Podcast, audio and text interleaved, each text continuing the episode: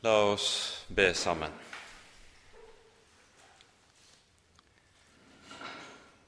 Kjære gode Herre, du trofaste og hellige Frelser. Vi takker og lover deg for evangeliet du har gitt oss, at du, Herre, står inne for vår frelse med ditt eget liv og med ditt eget blod. Takk, Herre Jesus, at du var villig til å dø i vårt sted, enda du godt visste hvem vi er og hvordan vi er. Takk, Herre, at din kjærlighet varer ved. Nå ber vi, Herre, at du vil sende din ånd, og at du vil la evangeliet få lov til å lyse klart for oss at vi må få bli bevart hos deg i det liv som du alene er, og du alene gir. Amen. Så begynner vi altså i kveld på det tiende kapitlet i Romerbrevet. Um, det er jo en måned siden vi var inne i avslutningen av det niende kapitlet, og det vi ser i denne delen av eh, romerbrevet, det er hvordan Paulus eh, tar opp og peker på hvorledes forherdelsen eh, som har rammet det jødiske folk, også er oppfyllelse av Skriftene. Og eh, det er den hemmelighetsfulle sammenhengen i Guds råd som ligger bak dette, at eh, deres forherdelse blir til frelse for hedningene. Hva denne forherdelsen dreier seg om, eller består i, det kommer Paulus også rikt inn på. Det taler om et anstøt på selve evangeliet.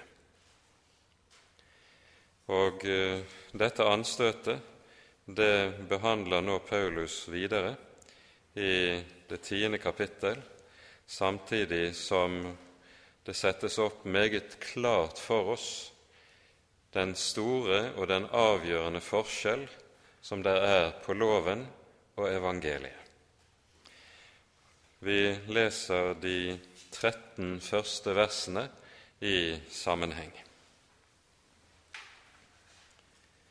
Brødre, mitt hjertes ønske og min bønn til Gud for dem er at de må bli frelst. For jeg gir dem det vitnesbyrd at de har nidkjærhet for Gud, men ikke med skjønnsomhet. For da de ikke kjente Guds rettferdighet og strevet etter å grunne sin egen rettferdighet, ga de seg ikke inn under Guds rettferdighet. For Kristus er lovens endemål til rettferdighet for hver den som tror. For Moses skriver om rettferdigheten av loven det mennesket som gjør disse ting, skal leve ved dem. Men rettferdigheten av troen sier så, si ikke i ditt hjerte, hvem skal fare opp til himmelen, det vil si, for å hente Kristus ned, eller hvem skal fare ned i avgrunnen, det vil si, for å hente Kristus opp fra de døde. Men hva sier den? Ordet er deg nær, i din munn og i ditt hjerte. Det er troens ord, det som vi forkynner. For dersom du med din munn bekjenner at Jesus er Herre, og i ditt hjerte tror at Gud oppvakter ham fra de døde, da skal du bli frelst. For med hjertet tror en til rettferdighet, og med munnen bekjenner en til frelse. For Skriften sier:" Hver den som tror på ham, skal ikke bli til skamme. Det er jo ingen forskjell på jøde og greker. De har alle den samme Herre, som er rik nok for alle som påkaller ham. For hver den som påkaller Herrens navn, skal bli frelst. Amen.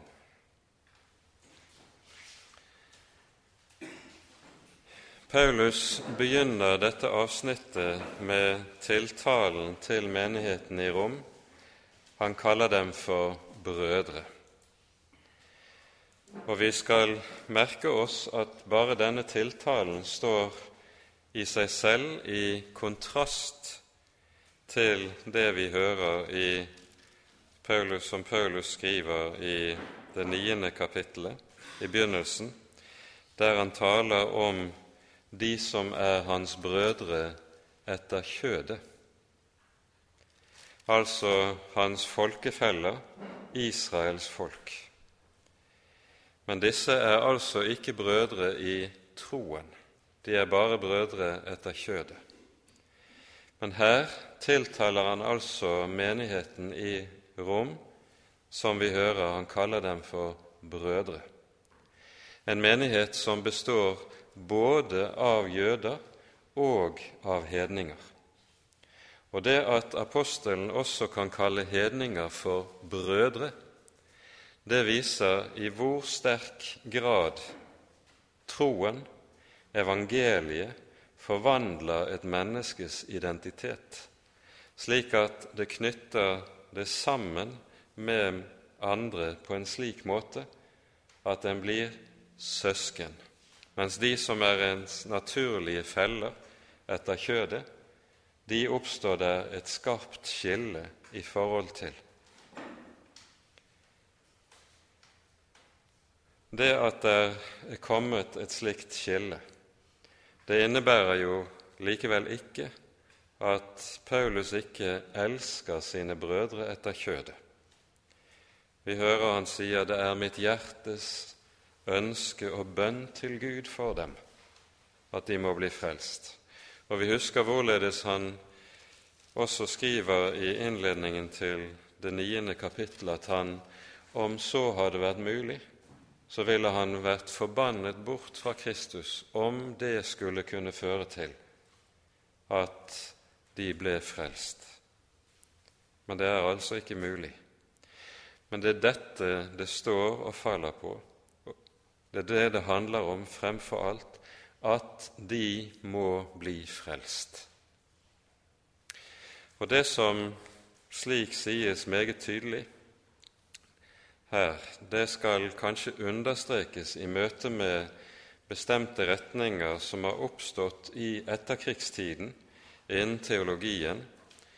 Ehm, det er i kjølvannet på det som skjedde i forbindelse med holocaust der en av frykt for antisemittisme har begynt å tenke slik at det dypest sett er to veier til frelsen.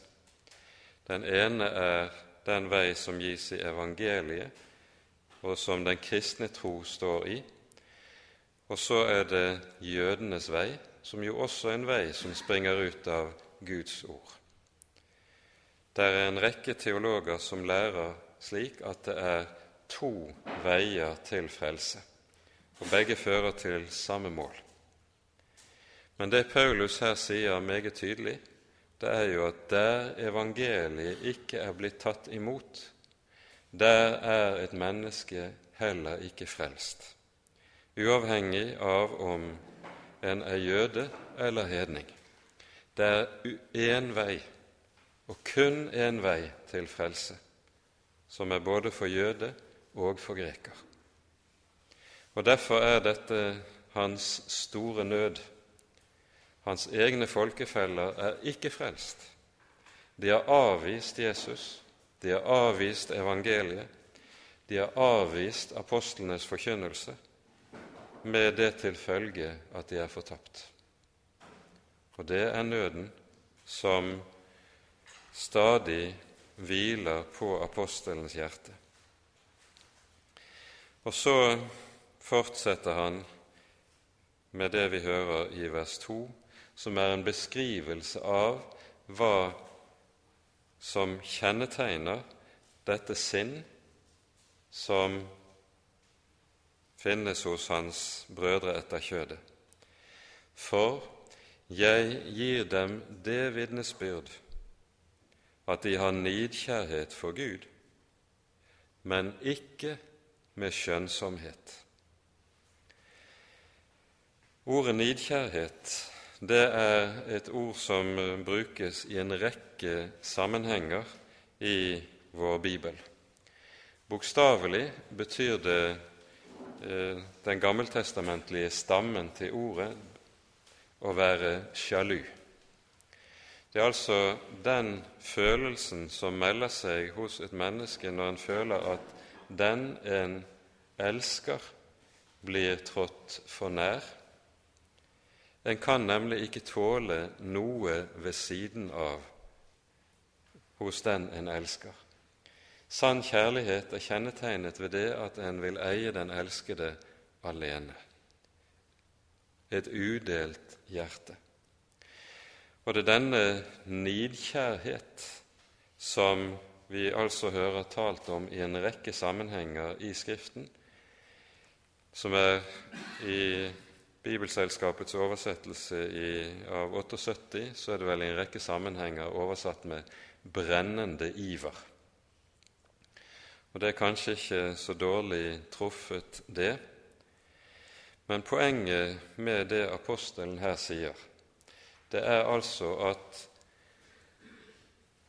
i et menneskes gudsforhold kommer det overhodet ikke an på hvorledes dette mennesket rent subjektivt er ivrig, oppriktig, hengivent, eller hva det nå måtte være. For mennesker kan være meget hengivne og meget ivrige i sin eh, religiøsitet og i sin gudsfrykt for noe som er fullstendig i strid med Guds ord. Men vi har det med, og det kan du ofte høre mennesker si også, at dette må jo være sant, for dette oppleves tydeligvis som så oppriktig.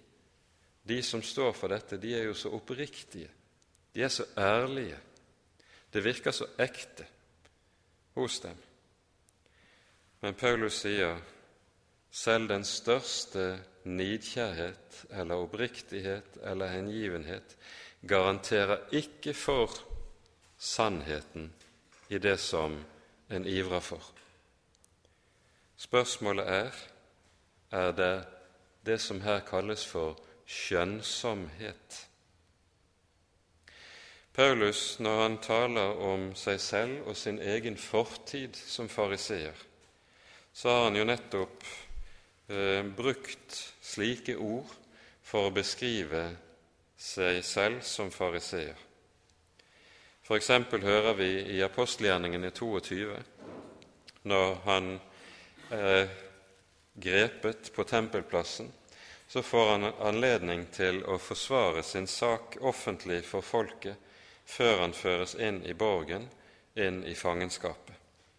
Og Her sier Paulus i apostelgjerningene 22, vers 3 og 4 slik.: Jeg er jøde, født i Tarsus i Kilikia, men oppfostret i denne by, opplært ved Gamalies føtter etter våre fedres lovs strenghet, og jeg var nidkjær for Gud, som dere alle er det i dag. Jeg forfulgte Guds vei til døden og bandt og kastet i fengsel både menn og kvinner.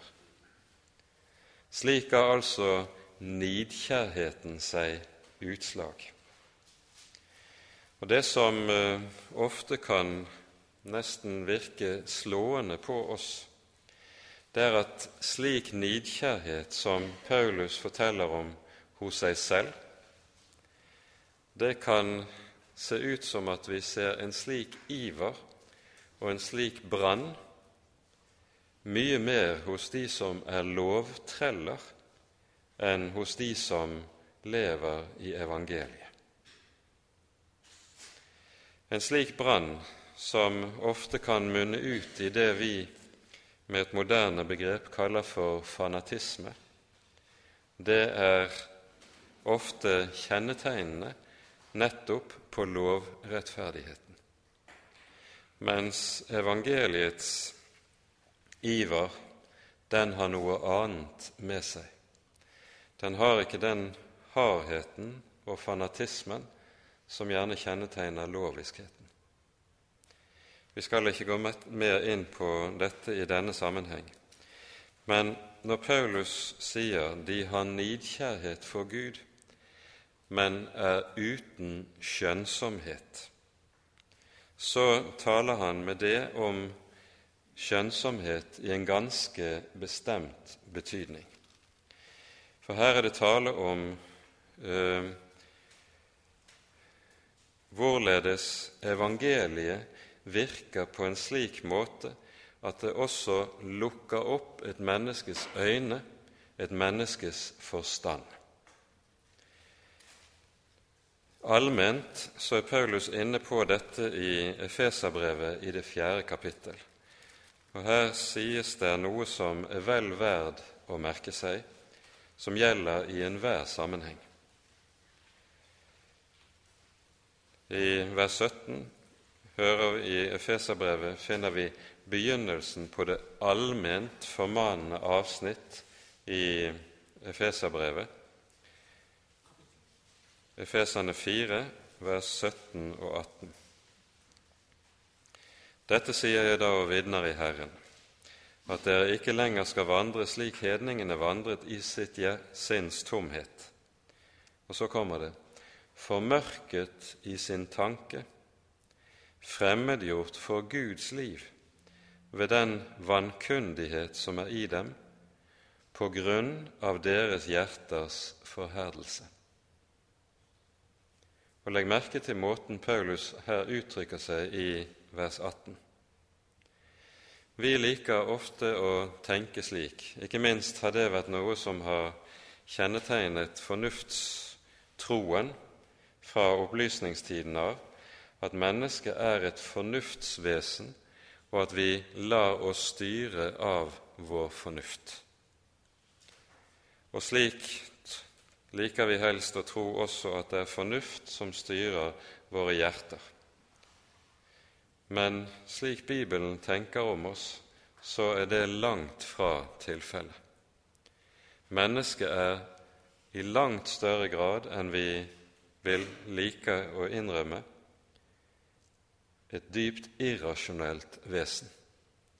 Og det er langt mer slik at det er våre drifter, vårt følelsesliv, våre begjærligheter som styrer hvordan vi tenker, enn at det går motsatte vei. Dette, denne sannhet gjelder aller mest på det området som har med troens liv å gjøre. Her er det tale om en vankundighet, altså en kunnskapsløshet, en uvitenhet, som behersker mennesket på grunn av hjertets forherdelse.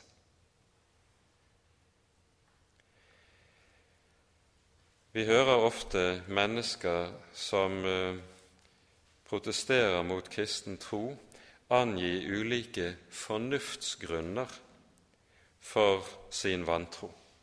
De vil ikke tro fordi dette virker irrasjonelt, ufornuftig, i strid med vitenskapen eller hva det nå må være. Men det som er realiteten, slik Bibelen sier oss det, det er at når mennesket ikke vil tro, så er det fordi det ikke vil omvende seg. Mennesket vil gå sine egne veier.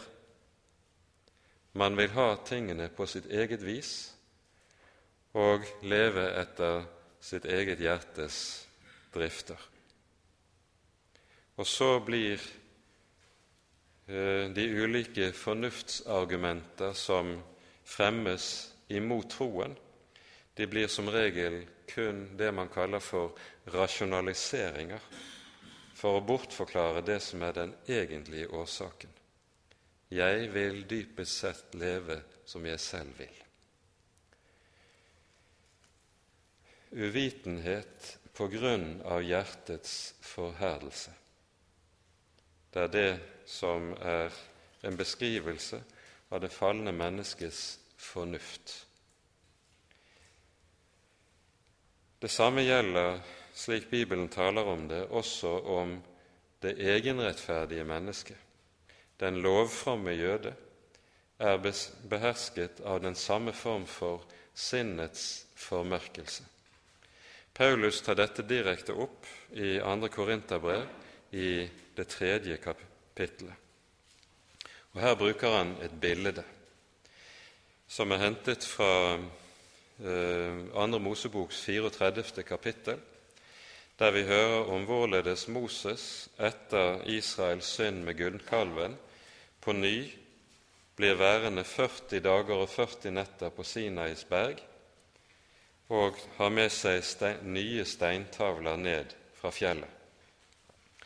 Og så står det om Moses at Israels barn fryktet for å se på ham, for det står hans ansikts hud lyste fordi han hadde vært hos Herren, men selv visste han det ikke. Og så får han vite hva det er som har skjedd, og så legger Moses et dekke over sitt eget ansikt for at Israels folk ikke skal frykte for ham. Men dette dekket, sier Paulus her i 2. Korinterbrev 3, det er et bilde. Et bilde på at når Moses leses, når Moses taler altså, så ser ikke Israels folk hva som egentlig er den indre mening i Skriften. Vi leser fra vers 14. Deres sinn er blitt forherdet, for like til denne dag blir det samme dekket liggende når de leser den gamle pakt, uten at det blir åpenbart at den oppheves i Kristus. Til denne dag ligger der et dekke over deres hjerte når Moses leses. Men når de omvender seg til Herren, da blir dekket tatt bort. Da ser en.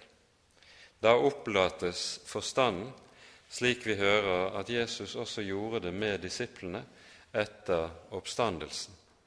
Han opplot deres forstand, står det at Jesus gjorde så de kunne forstå Skriftene.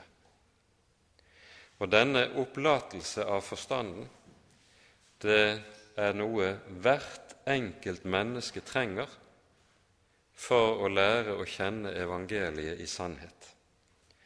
For evangeliet er ikke noe som mennesket kan, kan se og forstå ut fra sine egne forutsetninger. Et godt intellekt hjelper ingen et eneste skritt på veien i så måte.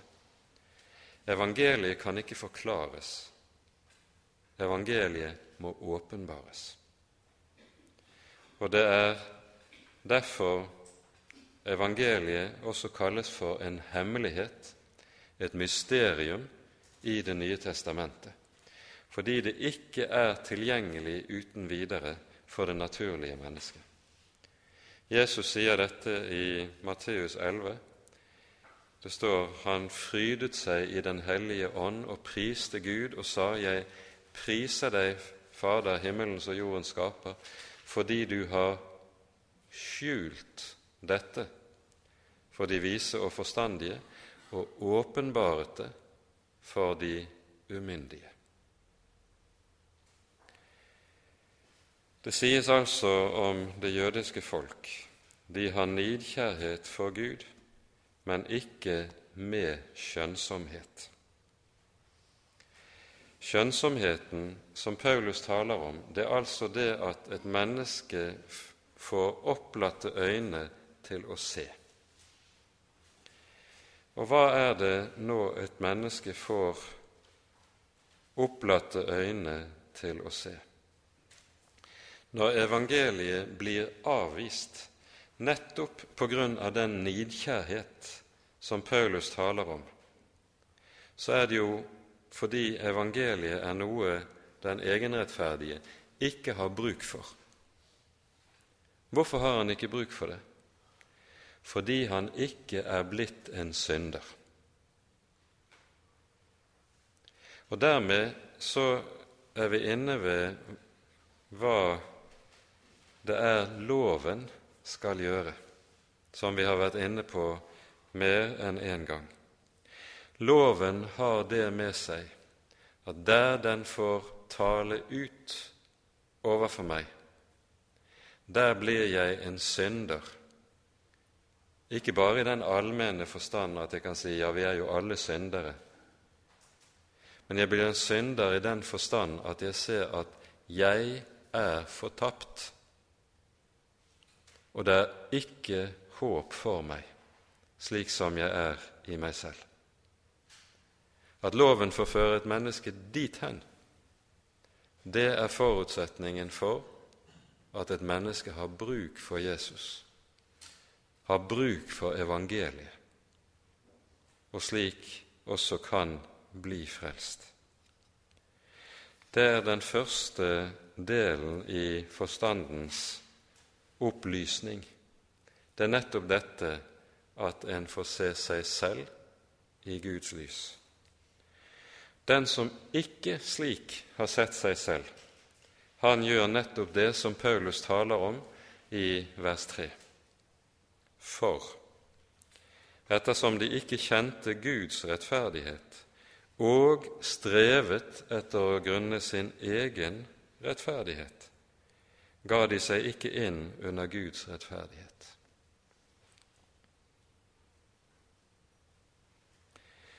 Et menneske som ikke kjenner seg selv i Guds lys, han vil alltid nettopp streve etter dette og grunne sin egen rettferdighet. Det er det Paulus har gjort i sitt gamle liv som fariseer. Det var det som så å si var selve innholdet i hans liv før han ble stanset utenfor Damaskus. Det handlet om å grunne sin egen rettferdighet. Og Vi legger merke til hvordan her i vers 3 der stilles to slags rettferdighet opp imot hverandre. To slags rettferdighet som står der som et meget skarpt enten-eller.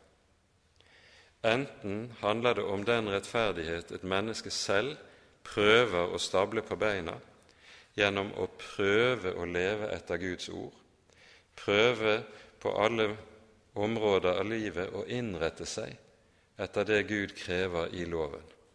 Da prøver en å stable sin egen rettferdighet på beina. Og Det er faktisk det som er grunntekstens uttrykk, uttrykksmåte når det i denne oversettelsen står de strevet etter å grunne sin egen rettferdighet så står det egentlig å, i grunnteksten å stille opp eller stable på bena sin egen rettferdighet.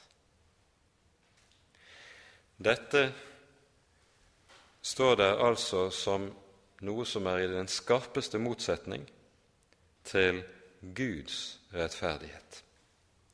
Og nettopp det å prøve å bli rettferdig i seg selv er det som aller mest gjør et menneske til en fiende av evangeliet. Sånn var det for Paulus, og sånn er det alltid. Det er aldri synden som er evangeliets verste fiende. Det er alltid egenrettferdigheten som er evangeliets verste fiende.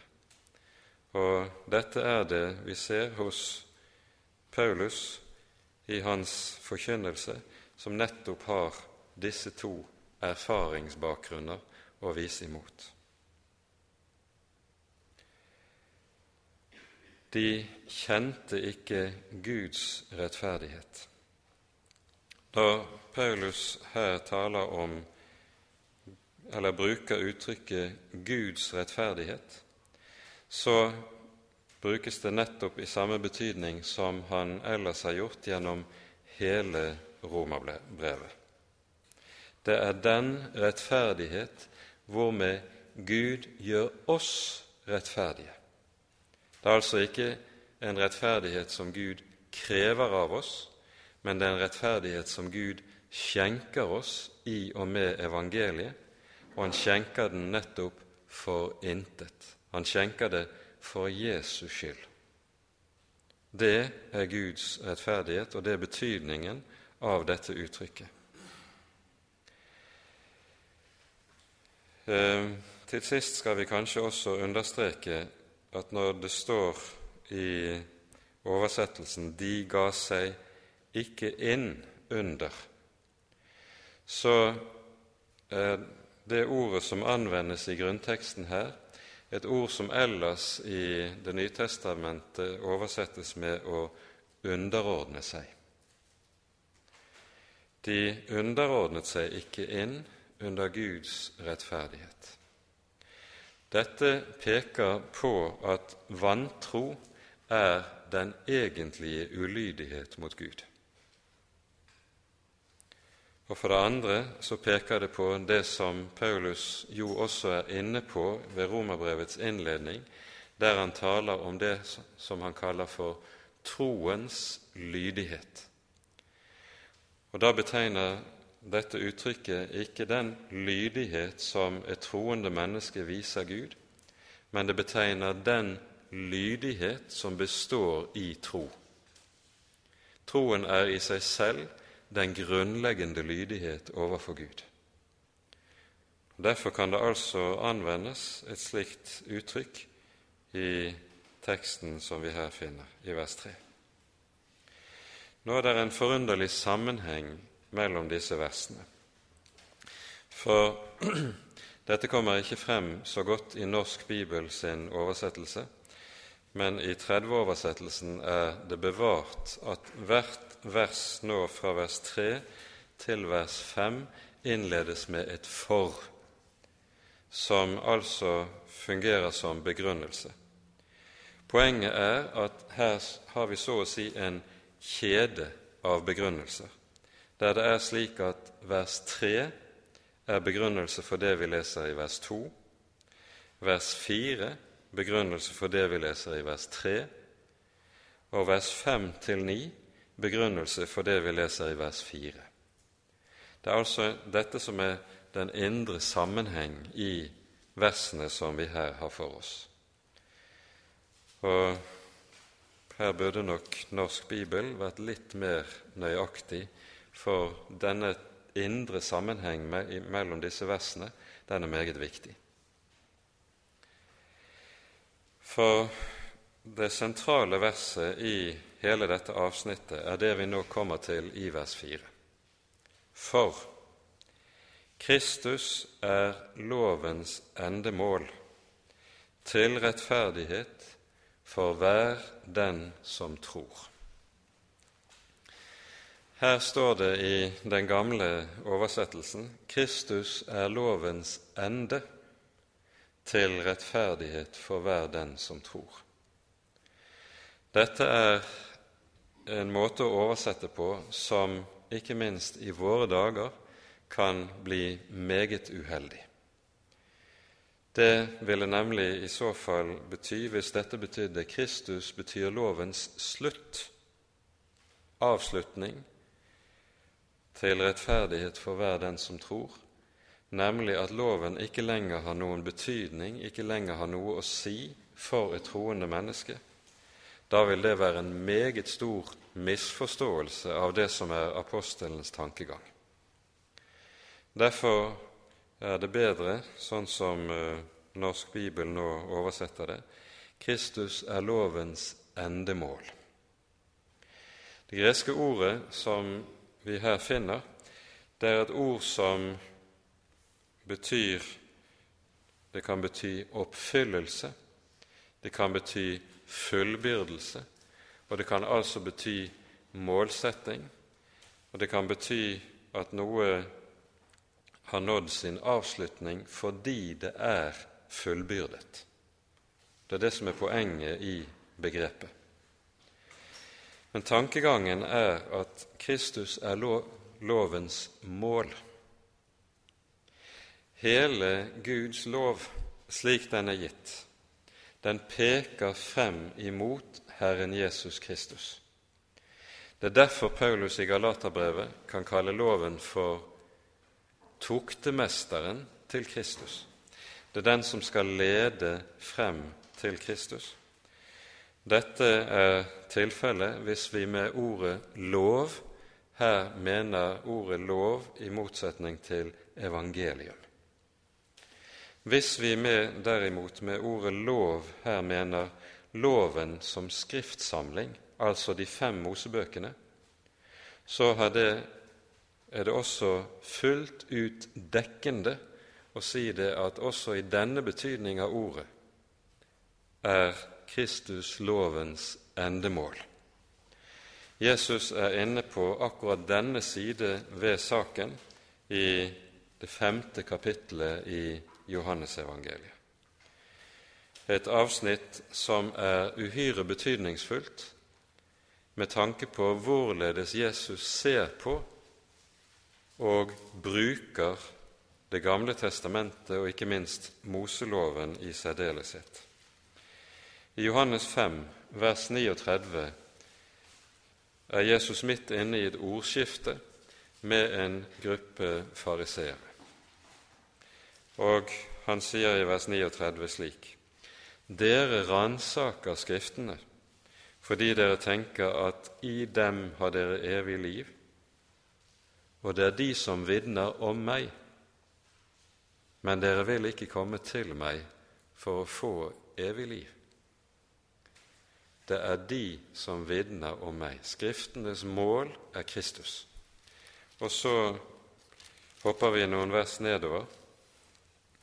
Vi kommer til vers 45.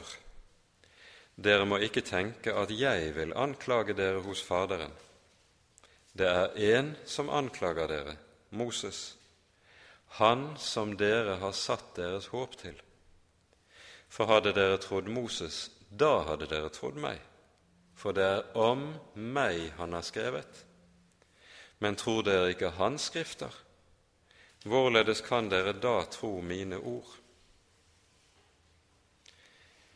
Altså, vi ser at Jesus nettopp peker på med stor styrke at Mosebøkene som skriftsamling peker frem imot Jesus og har til hensikt å føre mennesker til tro på ham som Frelseren, som Messias. Det er derfor loven er gitt. På dette har vi et meget sterkt og klart forbilde allerede i Mosebøkene. For når vi hører om lovgivningen på Sinai i 2. Moseboks 20. kapittel, så leser vi fra vers 18 der om folkets reaksjon på åpenbaringen av budene. Vi hører det står om folket at de fryktet og holdt seg langt borte og sa til Moses:" Tal du med oss, for vi tåler ikke, vi kan ikke høre på denne forferdelige røst og se på denne forferdelige ild. Hva er det folket altså sier? De skjønner at i møte med loven så trenger de en stedfortreder, en mellommann mellom seg og Gud. Og Det er rett og slett altså den første frukten av åpenbaringen av de ti bud, Folket ser at de trenger en mellommann. Og så noen vers nedenfor kommer lovgivningen om alteret, nemlig at det skal gis må være en soning når det er en lov. Loven har dette altså som sitt siktemål, som sitt endemål. Det peker frem mot Kristus, mot evangeliet, mot mellommannen. Av og til har dette ordet i Romane 10,4 blitt sitert eh, avkortet, og da kan det ende opp i den farligste vranglære. Kristus er lovens ende. Punktum, har man sagt. Men det er farlig å si, for det kan ikke minst sånn som klimaet er i vår, våre dager, lede direkte ut i dette fiendskapet mot Guds hellige lov som er blitt så utbredt. Nei, Kristus er lovens endemål. Altså, loven skal føre oss frem til Kristus, men en kristen er ikke ferdig med loven. Loven har meget å si og lære oss også som kristne. Men en kristen er fri fra loven i en bestemt betydning og i en bestemt forstand. Loven er ikke grunnlaget for gudsforholdet. Loven er ikke grunnlaget for at jeg skal bli godtatt av Gud. I den forstand er en kristen fri fra loven. Det er derfor det står, som vi leser i Galatane 4,4.: I tidens fylde utsendte Gud sin sønn, født av en kvinne, født under loven, for at han skulle utfri alle dem som var i trelldom under loven, så vi kunne få barnekår. I den forstand er en kristen fri fra loven. Og det er jo det både Romerbrevet og Galaterbrevet taler så tydelig og så klart om. Og det er der også vår samvittighet har sin store nød og sitt store problem. På ny og på ny tenker samvittigheten at Guds barmhjertighet imot meg er avhengig av min lydighet. Den er avhengig av min kristendom. Den er avhengig av min hellighet eller helliggjørelse. Nei, den Guds barmhjertighet mot meg, den er avhengig av Kristi lydighet, av Kristi hellighet, at Jesus har gått i mitt sted. Det alene er det det hviler på. Kristus er lovens ende mål, til rettferdighet for hver den som tror. Verset må siteres i sin helhet hvis det siteres. For loven har som sitt siktemål nettopp å lede meg til Kristus, for det er Han som er vår rettferdighet for Gud. Og så kommer altså det neste avsnittet, fra vers 5 til 9, der apostelen nettopp nå peker på Moses og peker på hva Moses vitner om i sitt, sin lov i Skriften. Først siteres det fra 3. Mosebok 18, Moses skriver om rettferdigheten av loven. Det mennesket som gjør disse ting, skal leve ved dem. Men altså så stilles det opp en motsetning. Men rettferdigheten av troen sier Og her kunne vi minne om det som eh, Paulus skriver i Galatane 3,12. Loven har ikke noe med troen å gjøre. Det er et skarpt og tydelig skille mellom lov og evangelium. Og det er det Paulus peker så sterkt på nettopp i dette avsnittet. At det skal være og gjøres forskjell på loven og evangeliet. All sann kristen forkynnelse står og faller med det. Det som er selve dødssynden i forkynnelsen er når lov og evangelium blandes sammen. Det er det som kjennetegnet nettopp fariseerne og deres måte å tenke på. Og Derfor står det formulert på denne måten. Først sier Moses det mennesket som gjør disse ting, skal leve ved dem. Altså, dersom et menneske virkelig var i stand til å leve etter Guds hellige lov, oppfylle loven slik Gud krever det, da skulle det også få det evige liv. For loven, den lover jo nøyaktig det samme som evangeliet lover. Loven lover evig liv, den lover Guds velsignelse og alt annet godt, men på et vilkår at du gjør det. At du gjør det. Og oppfyller du ikke vilkåret, så får du ikke det som er lovet. Motsetningen gis i evangeliet, men rettferdigheten av troen, den sier så. Si ikke i ditt hjerte, hvem skal fare opp i himmelen, det vil si for å hente Kristus ned? Eller hvem skal fare ned i avgrunnen, det vil si for å hente Kristus opp fra de døde. Altså, rettferdigheten av troen handler ikke om at et menneske skal søke i det høye eller i det dype for å finne det som Gud krever av oss, for å virkeliggjøre det som er Guds vilje. Det er jo det mennesket vil. Men evangeliet betyr slutten på all menneskes selvstrev og jag.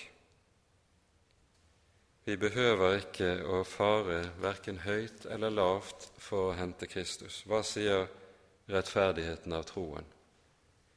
Ordet er deg nær, i din munn og i ditt hjerte. Og det er nettopp det som er det store med evangeliets gave. Ordet er deg nær. Hva er det som menes nå med at det sies 'ordet er deg nær'? Det Paulus her gjør, det er at han siterer fra 5. Moseboks 30. kapittel, der det nettopp tales på denne måten det Paulus sikter med ved dette uttrykket, det er det som kalles i 1. Korinterbrev 1 for ordet om korset, eller som rett og slett er evangeliets ord. Dette ord har det med seg at det ikke er et ord som krever all mulig egeninnsats av deg og meg. Men det er et ord som har det med seg at får det bare lov til å bli hørt og synke inn, så virker det frelse ved sin blotte og bare innsynking, for å bruke et sånt uttrykk. Det er ordet som gjør sin gjerning til frelse i oss og hos oss. Jeg behøver ikke å lete høyt og lavt. Jeg behøver ikke å finne på alle mulige vanskelige ting som skal bringe meg til Gud. Det handler om det enkle å bli stille for det ord som Gud har gitt, ordet om sin sønn. Det er tilstrekkelig til frelse. I dette ord ligger selve kraften til frelse. Det er jo det Paulus var inne på allerede i Romerbrevets innledning. Evangeliet er en Guds kraft til frelse. Kraften til frelse ligger ikke i vårt strev, i vårt selvstrev, i våre søking i det høye eller i det dype. Kraften til frelse ligger helt enkelt i ett bestemt budskap. Budskapet om Guds sønn og hva han har gjort. Dette budskapet har frelsens kraft i seg. Det bærer i seg livets krefter. Det føder et menneske på ny. Det skaper den nye rettferdigheten. Det virker troen og det nye livet. Det er dette Luther taler om i forklaringen til tredje artikkel i Lille katekisme. Jeg tror at jeg ikke av egen fornuft eller kraft kan tro på den Herre Jesus Kristus eller komme til ham, men Den hellige ånd har kalt meg ved evangeliet. helliggjort meg med sine gaver, osv. Ved evangeliet er det Ånden virker. Ved evangeliet er det Ånden utfører sin gjerning i oss og hos oss og med oss. Og Derfor handler det for ethvert Guds barn om noe så enkelt som det å høre. Å bli stille til å høre. Men nettopp dette å bli stille, i denne betydning av ordet, det er noe av det som kanskje er aller vanskeligst for oss mennesker. I vår uro farer vi hit og dit. I vår tro på oss selv tenker vi at jeg må da gjøre noe, og så vil vi gjøre i stedet for å høre. Men frelsen ligger i hørelsen. Livet ligger i hørelsen. Ordet er deg nær. Det er ikke langt borte. Ordet er deg nær i din munn og i ditt hjerte. Det er troens ord som vi forkynner. For dersom du med din munn bekjenner at Jesus er Herre, og i ditt hjerte tror at Gud oppvakte ham fra de døde, da skal du bli frelst. For med hjertet tror en til rettferdighet, og med munnen bekjenner en til frelse. Hva er det nå som gjør at Paulus nevner disse ting spesielt? Dersom du med din munn bekjenner at Jesus er Herre, og hvorfor nevnes det spesielt når det gjelder hjertets tro, oppstandelsen fra de døde? Hva er det som gjør at Paulus nevner akkurat disse tingene spesifikt? Jo, det er for det første klart at når Paulus taler om at Ordet er oss nær, så er det som det da tale, sies om munnens bekjennelse og hjertets tro, det er så å si en hovedsum av innholdet i det ord som lyder i evangeliet. For det første, når det tales om munnens bekjennelse, så har vi jo vært inne på ved flere anledninger dette at ordet 'bekjenne' i Det nye testamentet, det greske ordet, kommer av en stamme som betyr å si 'det samme som'. Jeg sier det samme som en annen har sagt i forveien. Og når dette gjelder, brukes i bibelsk forstand, så betyr det at når jeg bekjenner, så sier jeg det samme som Gud har sagt før i Skriften. Jeg har altså gjort det som står i Skriften, til mitt eget. Og Derfor blir bekjennelse uttrykk for en dypt personlig forhold. Det som sies i Skriften, er blitt mitt. Og hva er det nå som bekjennes? Jo, at Jesus er Herre. Og vi minner her om at dette er den første, eller det man kan kalle for den urkristne bekjennelsen. Vi møter denne urkristne bekjennelsen i en rekke sammenhenger i Det nye testamentet. Dere vil alle huske gjerne fra Filippabrevet 2, der det står om hvorledes hver tunge skal bekjenne at Jesus er Herren, til Gud Faders ære. Dette som hele skaperverket skal gjøre på den siste dag. De som er på jorden og over jorden og under jorden. Alle skal bekjenne at Jesus er Herren. Vi møter uttrykket også i flere andre sammenhenger i Det nye testamentet. Vi behøver ikke å sitere dem alle. Poenget er dette er den urkristne bekjennelsen. Og hva ligger i den? Jesus kalles jo stadig i Det nye testamentet for Herren. Og det er slik det burde vært oversatt også her i vers 9. For når denne tittelen brukes om Jesus, så tenkes det med det på at i Det gamle testamentet kalles Gud stadig Herren. Men navnet Herren, det er jo i Det gamle testamentet så å si eh, ikke det som nøyaktig står i Bibelens grunntekst. Guds navn i Bibelens grunntekst det er et navn som på hebraisk blir skrevet med fire konsonanter, JHVH, men som aldri ble uttalt av jødene når de leste Skriften.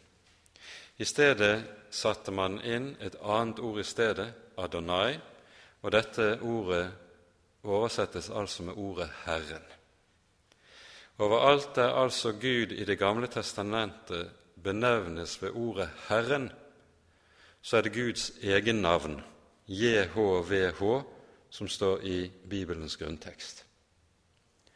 Og når Jesus altså i Det nye testamentet kalles Herren, så sier Det nye testamentet dermed Han er Det gamle testamentets Gud. Han er den Gud som åpenbarte seg for Abraham og kalte ham ut fra Uri Kaldea han er den Gud som åpenbarte seg fra Moses i tårnebusken og førte Israel ut fra Egyptens land. Jesus er Herren.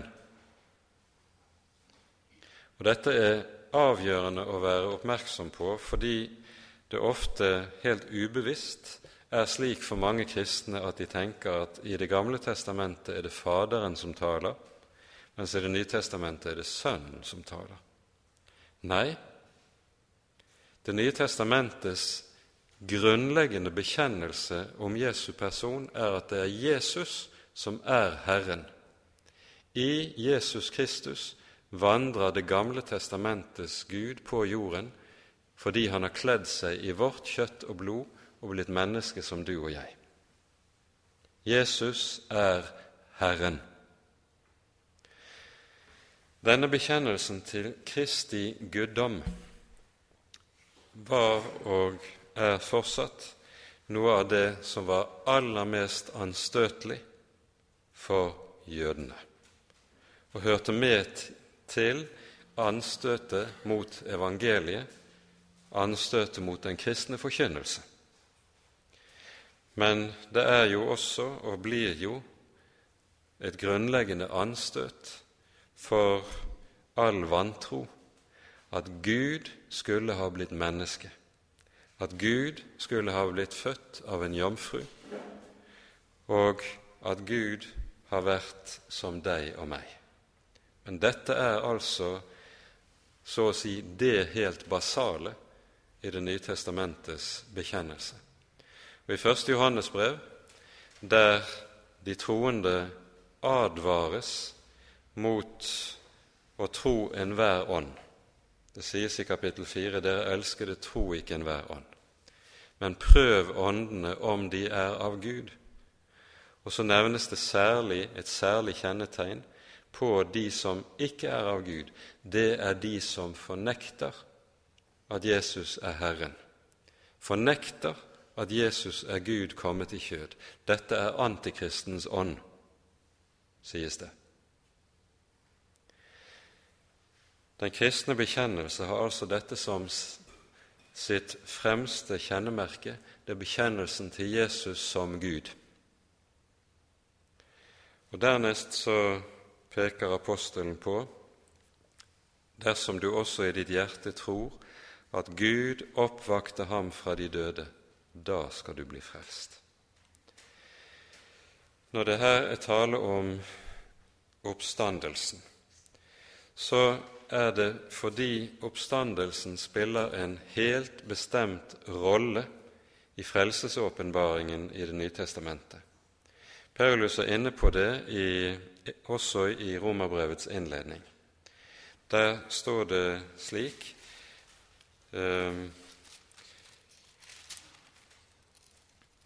Det sies at evangeliet er om Hans Sønn, som etter kjødet er kommet sa Davids ett, som etter hellighets ånd er godtgjort å være Guds veldige sønn ved oppstandelsen fra de døde. Oppstandelsen spiller den bestemte rolle at den er Guds stadfestelse, bekreftelse, ja, bevis på at Jesus var den han var, at han var Gud, og at soningen var fullbyrdet på Golgata. Oppstandelsen er Guds seil på at soningen virkelig er fullbyrdet. Og Derfor bærer budskapet om og troen på Kristi oppstandelse i seg alt det andre som Gud vitner om sin sønn. Dette er årsaken til at Paulus taler sånn. Når Paulus sier 'for med hjertet tror en til rettferdighet', og taler om hjertet i denne sammenheng, så er det jo fordi hjertet i Bibelen det er personlighetens kjerne og sentrum. Hjertet er det som alt annet i personligheten springer ut av. Hjertet er derfor det også som styrer alt annet i personligheten. Derfor er det slik at når hjertet tror, så er det på det vis ikke at man kan si om seg selv 'jeg har troen', men jeg må si det motsatt 'troen har meg'. En slik rolle spiller troen når den først har fått rom og plass i et menneskes hjerte. Det er slik at troen så å si har bemektiget seg meg, og derfor også vil bli den styrende kraft i livet. Det er troen som har meg. For Skriften sier:" Hver den som tror på ham, skal ikke bli til skamme. På ny siteres det fra Jesaja 28, som, vi, som Paulus var inne på i slutten av kapittel 9. Um, ehm, og vi kan kanskje også minne om ordene som står i Salme 2 der det vitnes om, der vi hører Gud vitne om Sønnen som han har innsatt til konge på Sion. Og så står, avslutter salmen med følgende ord.: Salige er alle de som tar sin tilflukt til Ham, nemlig Sønnen som er innsatt til konge. Her brukes i Salme 2 et uttrykk om Messias, som ellers i Skriften utelukkende kan anvendes om et menneskes gudsforhold. Det å ta sin tilflukt til Sønnen i denne mening av ordet, det innebærer altså at en sier om Sønnen 'Han er Gud'. Og slik er Salme 2 også et av Skriftens vitnesbyrd om Messias guddom. Salige er alle de som tar sin tilflukt til ham.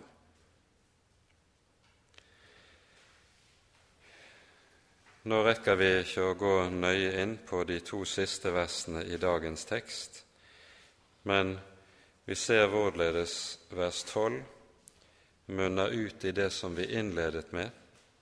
Der er ingen forskjell på jøde og greker. Der er ikke to veier, men der er én. De har den samme Herre, som er én. Han er rik nok for alle som påkaller Hans navn. I dette ligger der et veldig evangelium og en veldig gave. Gud er ikke knipen.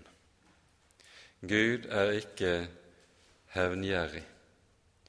Gud er en Gud som eier en fylde av miskunnhet, en rikdom av nåde, som han villig deler ut til alle som kaller på ham. Det å kalle på, uttrykket som anvendes her i grunnteksten, det er et uttrykk som særlig brukes om det å rope når man er i fare, når man er i livsfare. Ligger du på fjorden og holder på å drukne, så roper du på hjelp. og det er det ordet som anvendes her. For det er jo slike som kom til Jesus. Herre, frels. De ropte på Jesus ut av sin nød, ut av sin hjelpeløshet, ut av sin fattigdom. Og så fikk de erfare om Jesu person. Han var rik nok for alle som kalte på ham. Og Jesus er den samme i går og i dag og til evig tid. Dette er løftet i Skriften, og dette er evangeliet. Hver den som påkaller Herrens navn, skal bli frelst. Amen. Ære være Faderen og Sønnen og Den hellige ånd, som var og er og være skal en sann Gud, høylovet i evighet. Amen.